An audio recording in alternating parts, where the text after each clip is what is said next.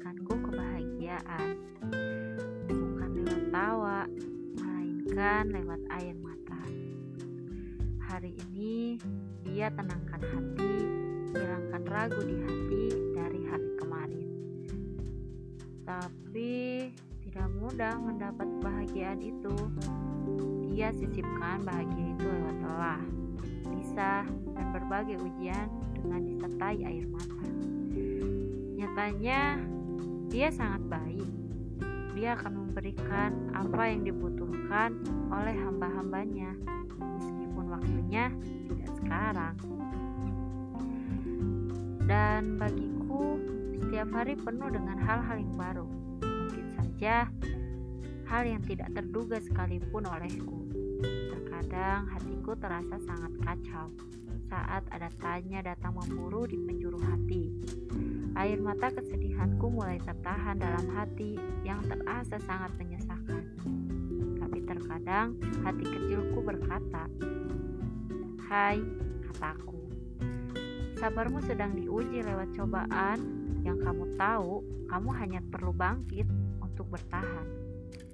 Karena kamu berhak atas kebahagiaanmu nantinya setelah apa yang kamu perjuangkan, meskipun harus diwarnai dengan kegagalan. Karena kebahagiaan akan datang di penghujung jalan, begitulah Allah menguji agar diri tidak mudah terlena. Hati ini rapuh, tidak ada yang melihatnya, namun dirasakan sangat menyesalkan dada hingga begitu sulit untuk bernafas. Hati ini lelah, tetapi selalu berharap akan selalu baik-baik saja, walaupun kenyataannya tidak. Berikan sudah cukup mendalam.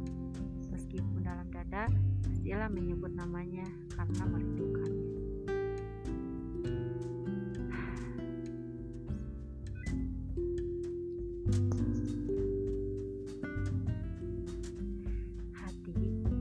Kamu bukan hatiku yang dulu lagi.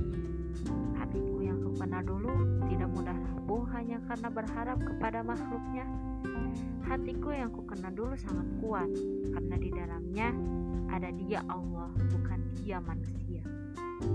Kenapa? Kenapa kau lari begitu jauh hati? Lupakan dia dan kembalilah padanya. Jangan terlalu berharap padanya yang justru membuatmu rapuh. Berharap dengannya saja ya. Karena dialah Allah yang maha membolak-balikan hati dan dialah Allah sang pemilik hati. Teruntuk hatiku yang rapuh karenanya, bahkan dia ya, berbenahlah diri lagi, perbaiki hatimu, jaga hatimu dengan baik. Percayalah, suatu saat nanti Allah akan memberikan yang terbaik untukmu, akan menggantikannya dengan yang lebih baik, yang lebih jauh dari apa yang kamu harapkan.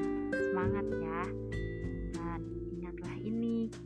Bahkan, seorang Imam Al-Ghazali pernah berkata bahwa hal yang paling sulit untuk dilakukan adalah mengikhlaskan, meskipun setelah hal yang paling kau cintai direnggut, hal yang paling ingin kau miliki harus menjadi milik orang lain, kau tetap kuat menjalani dengan membuktikan bahwa kau masih bisa berdiri kokoh di hari ini.